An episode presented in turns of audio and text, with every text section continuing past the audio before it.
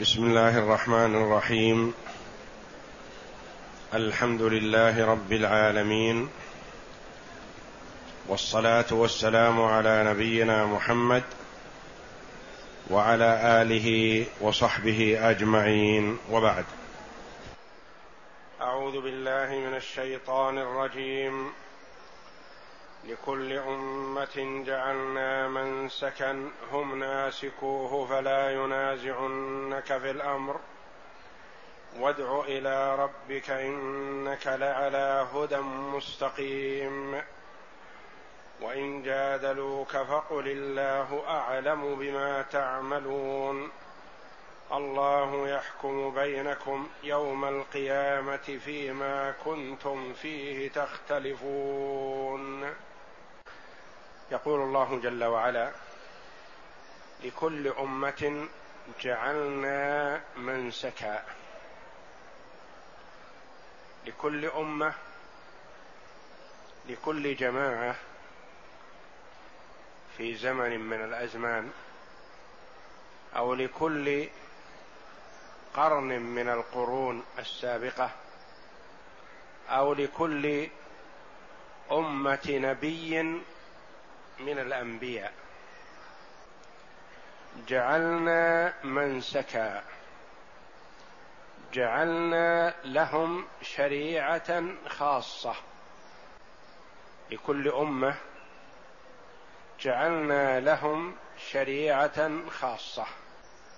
والمراد بالشريعة هنا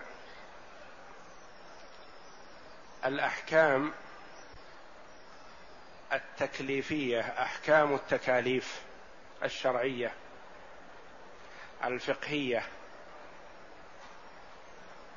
التي يعبر عنها بالفروع فروع الشريعة. وأما الأصل فهو واحد. أصل الشريعة واحد من آدم عليه السلام إلى أن ختم الأنبياء والرسل بمحمد صلى الله عليه وسلم فدعوتهم واحدة وهي إفراد الله جل وعلا بالعبادة. وأما الأحكام الفقهية فتختلف من أمة لأمة. فالصيام يختلف من أمة لأمة. والزكاة كذلك. والصلاة كذلك. لكل أمة جعلنا منسكا شريعة تعبدهم الله جل وعلا بها. ليس لهم أن يتركوها ولا أن يدخلوا فيها ما ليس منها. فكل شريعة نبي عليهم الصلاة والسلام محددة بأمته ووقته. فإذا بعث نبي بعده انتهت شريعته وصارت التكاليف على شريعة النبي الجديد. فشريعة موسى عليه الصلاة والسلام وكتابه التوراة من مبعثه إلى أن بعث الله جل وعلا عيسى عليه الصلاة والسلام. فانتهت شريعته ووجدت شريعة عيسى. استمرت شريعة عيسى إلى أن بعث الله محمدا صلى الله عليه وسلم فانتهت شريعة عيسى وشريعة محمد صلى الله عليه وسلم هي الخاتمة وهي الباقية إلى أن يرث الله الأرض ومن عليها.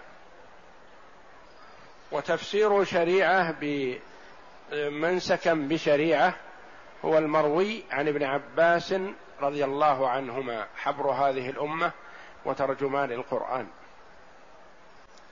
وقيل منسكا أي عيدا. وقيل موضع الذبح الذي يتقرب به إلى الله جل وعلا. وقيل موضع عبادة. ولهذا سميت مكة ومنى وعرفات مناسك لأنها مواقع عبادة مخصوصة. لكل أمة جعلنا منسكا هم أي هذه الأمة ناسكوه فاعلوه متعبدون به فليس لهم أن يتعبدوا بشريعة بشريعة لم تشرع لهم وإنما شرعت لمن قبلهم ليس لهم ذلك. فالنصارى بعد بعثة عيسى عليه الصلاة والسلام ليس لهم أن يتعبدوا الله بشريعة موسى. وبعد وبعد بعثة محمد صلى الله عليه وسلم نسخ الله الأديان كلها فليس لهم أن يتعبدوا بشرائعهم السابقة وإنما عليهم أن يتعبدوا الله بشريعة محمد صلى الله عليه وسلم التي هي الإسلام. والله جل وعلا يقول ومن يبتغي غير الإسلام دينا فلن يقبل منه. وقال النبي صلى الله عليه وسلم والله لا يسمع بي يهودي ولا نصراني ثم لا يؤمن بي إلا كان من أهل النار. حتى ولو تعبد الله على شريعة اليهود أو شريعة النصارى فلا يسعه إلا أن يتعبد الله جل وعلا بشريعة محمد صلى الله عليه وسلم. لكل أمة جعلنا منسكا هم ناسكوه فلا ينازعنك في الأمر. ليس لهم أن ينازعوا ولا أن يقولوا نتعبد بشريعتنا. فقد انتهت شريعتهم ومن وجد في عهد النبي صلى الله عليه وسلم من أي أمة من الأمم لا يسعه إلا أن يتعبد الله بشريعة محمد صلى الله عليه وسلم. ايا كان. فلا ينازعنك في الأمر. ينازع من أفعال المشاركة. يعني لا ينازعنك ولا تنازعهم. الشريعة واحدة وشريعتهم هي شريعتك. لأن كل لكل أمة شريعة ومن وجد في عهدك فشريعته شريعتك.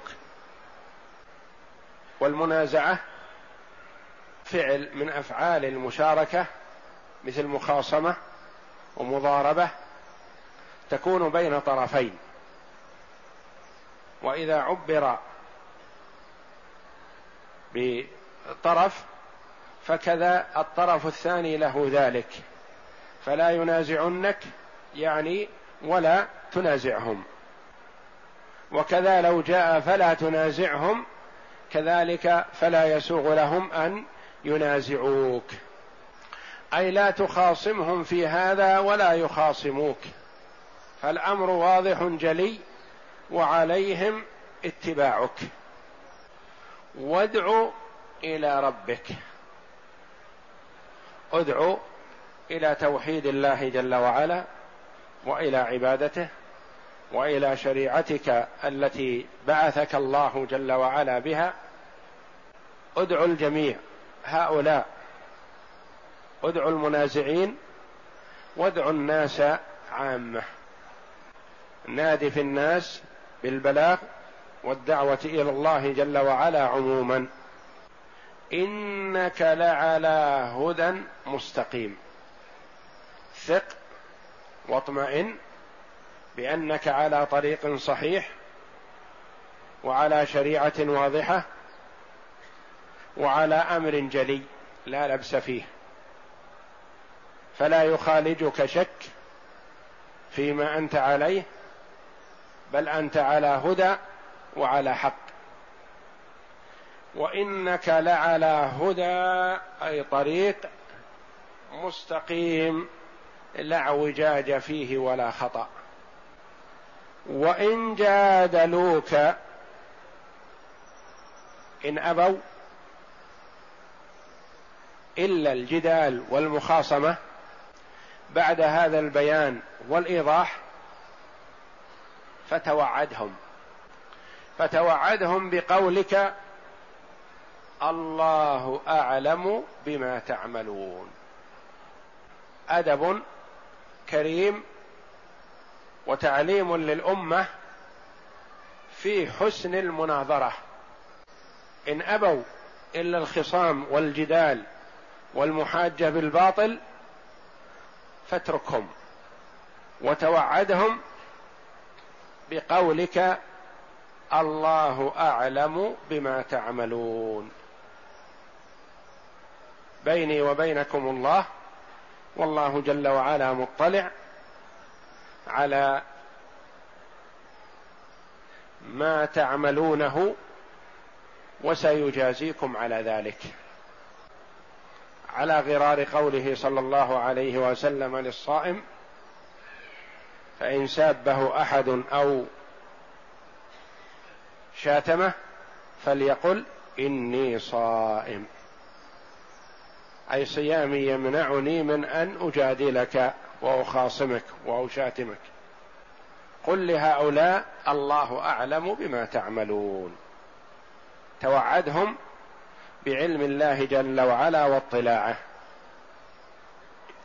وهذا إذا كانت مجادلتهم بالباطل وعلى غير برهان وعلى غير هدى وإلا فالمجادلة لإظهار الحق وبيانه لمن خفي عليه الحق ويحتاج إلى بيان فقد قال الله جل وعلا ادع إلى سبيل ربك بالحكمة والموعظة الحسنة وجادلهم بالتي هي أحسن. المجادلة نوعان. مجادلة بالتي هي أحسن لبيان الحق وإظهاره. هذه مأمور بها شرعا. وأما مجادلة المكابر والمخاصم ومن يريد المشاتمة فهذا أعرض عنه واتركه. وتوعده بعلم الله جل وعلا واطلاعه على ما هو عليه من الباطل.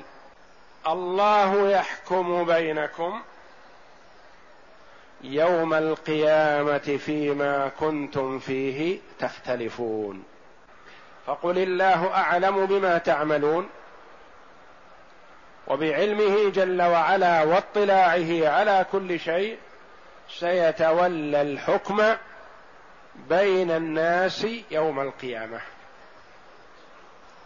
وهو جل وعلا يعلم المحق من المبطل ويعطي المحق ما يستحقه من الثواب الجزيل ويعاقب المبطل بما يستحقه من العقاب ولا يظلم الله جل وعلا العباد شيئا. الله يحكم بينكم يتولى الحكم بين المسلمين والكفار بين الداعين إلى الحق والمجادلين بالباطل يحكم بينهم متى يظهر الحكم جليا واضحا. الله يحكم بينكم يوم القيامة يوم الجزاء والحساب يوم الثواب والعقاب. فيما كنتم فيه تختلفون. فيما اختلفتم فيه يتولى الله جل وعلا الحكم بين الطرفين فيعطي كلا ما يستحقه. قال بعض المفسرين رحمهم الله هذه الآية قوله جل وعلا وإن جادلوك فقل الله أعلم بما تعملون الله يحكم بينكم يوم القيامة فيما كنتم فيه تختلفون. هذه منسوخة بآية السيف. وقد مر علينا كثير من كلام المفسرين رحمهم الله فيما تقدم بقوله منسوخة بآية السيف. آية السيف المراد بها الآيات التي فيها الأمر بالقتال. ليست آية واحدة وإنما هي آيات مجموعة مفرقة في سور القرآن فيها الأمر بقتال الكفار. كما في قوله جل وعلا يا أيها الذين آمنوا قاتلوا الذين يلونكم من الكفار وليجدوا فيكم غلظة. وآيات كثيرة في القرآن يعبر عن مجموعها بآية السيف الأمر بقتال الكفار. قال بعض المفسرين هذه الآية منسوخة بآية السيف. يعني هذا الوعيد يتوعد به من عاند وجادل قبل الأمر بالقتال. ولما أمر بالقتال صار من يعاند ويجادل يقاتل ولا يتوعد. هذا قول لبعض المفسرين ورد عليه آخرون فقالوا هذه الآية غير منسوخة ولا تتنافى مع آيات القتال بل هذه الآية قد تتأتى في المجادلة من أشخاص مثلا قد يكونوا دفعوا الجزية وآيات السيف تخير الكفار الذين هم أهل الكتاب بين أمرين إما الدخول في الإسلام أو دفع الجزية عن يد وهم صاغرون. ثم هذا الذي يدفع الجزية قد يلقي بعض الشبه أو يجادل في بعض المواضيع فهذه الآية وأمثالها تنطبق عليه ولا يقال إنها منسوخة. فإذا كان المجادل ممن يريد بيان الحق فقد أمرنا بالإيضاح له ولا نتوعده وإنما نبين له الحق من الكتاب والسنة. فإن تبين لنا أنه معاند ومجادل بالباطل واتضح له الحق ولم يقبله حينئذ مثل هذا الإعراض عنه أولى.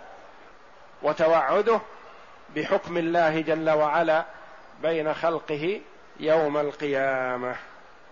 وهذه الآيات الثلاث فيها البيان من الله جل وعلا أن لكل أمة من الأمم شريعة ومنهج وعبادة تعبدهم الله جل وعلا بها تختلف عما قبلها في بعض الفروع وأن كل أمة متعبدة بشريعتها ولا يسوغ لها أن تجمع بين شريعتين ولا أن تأخذ من هذه وهذه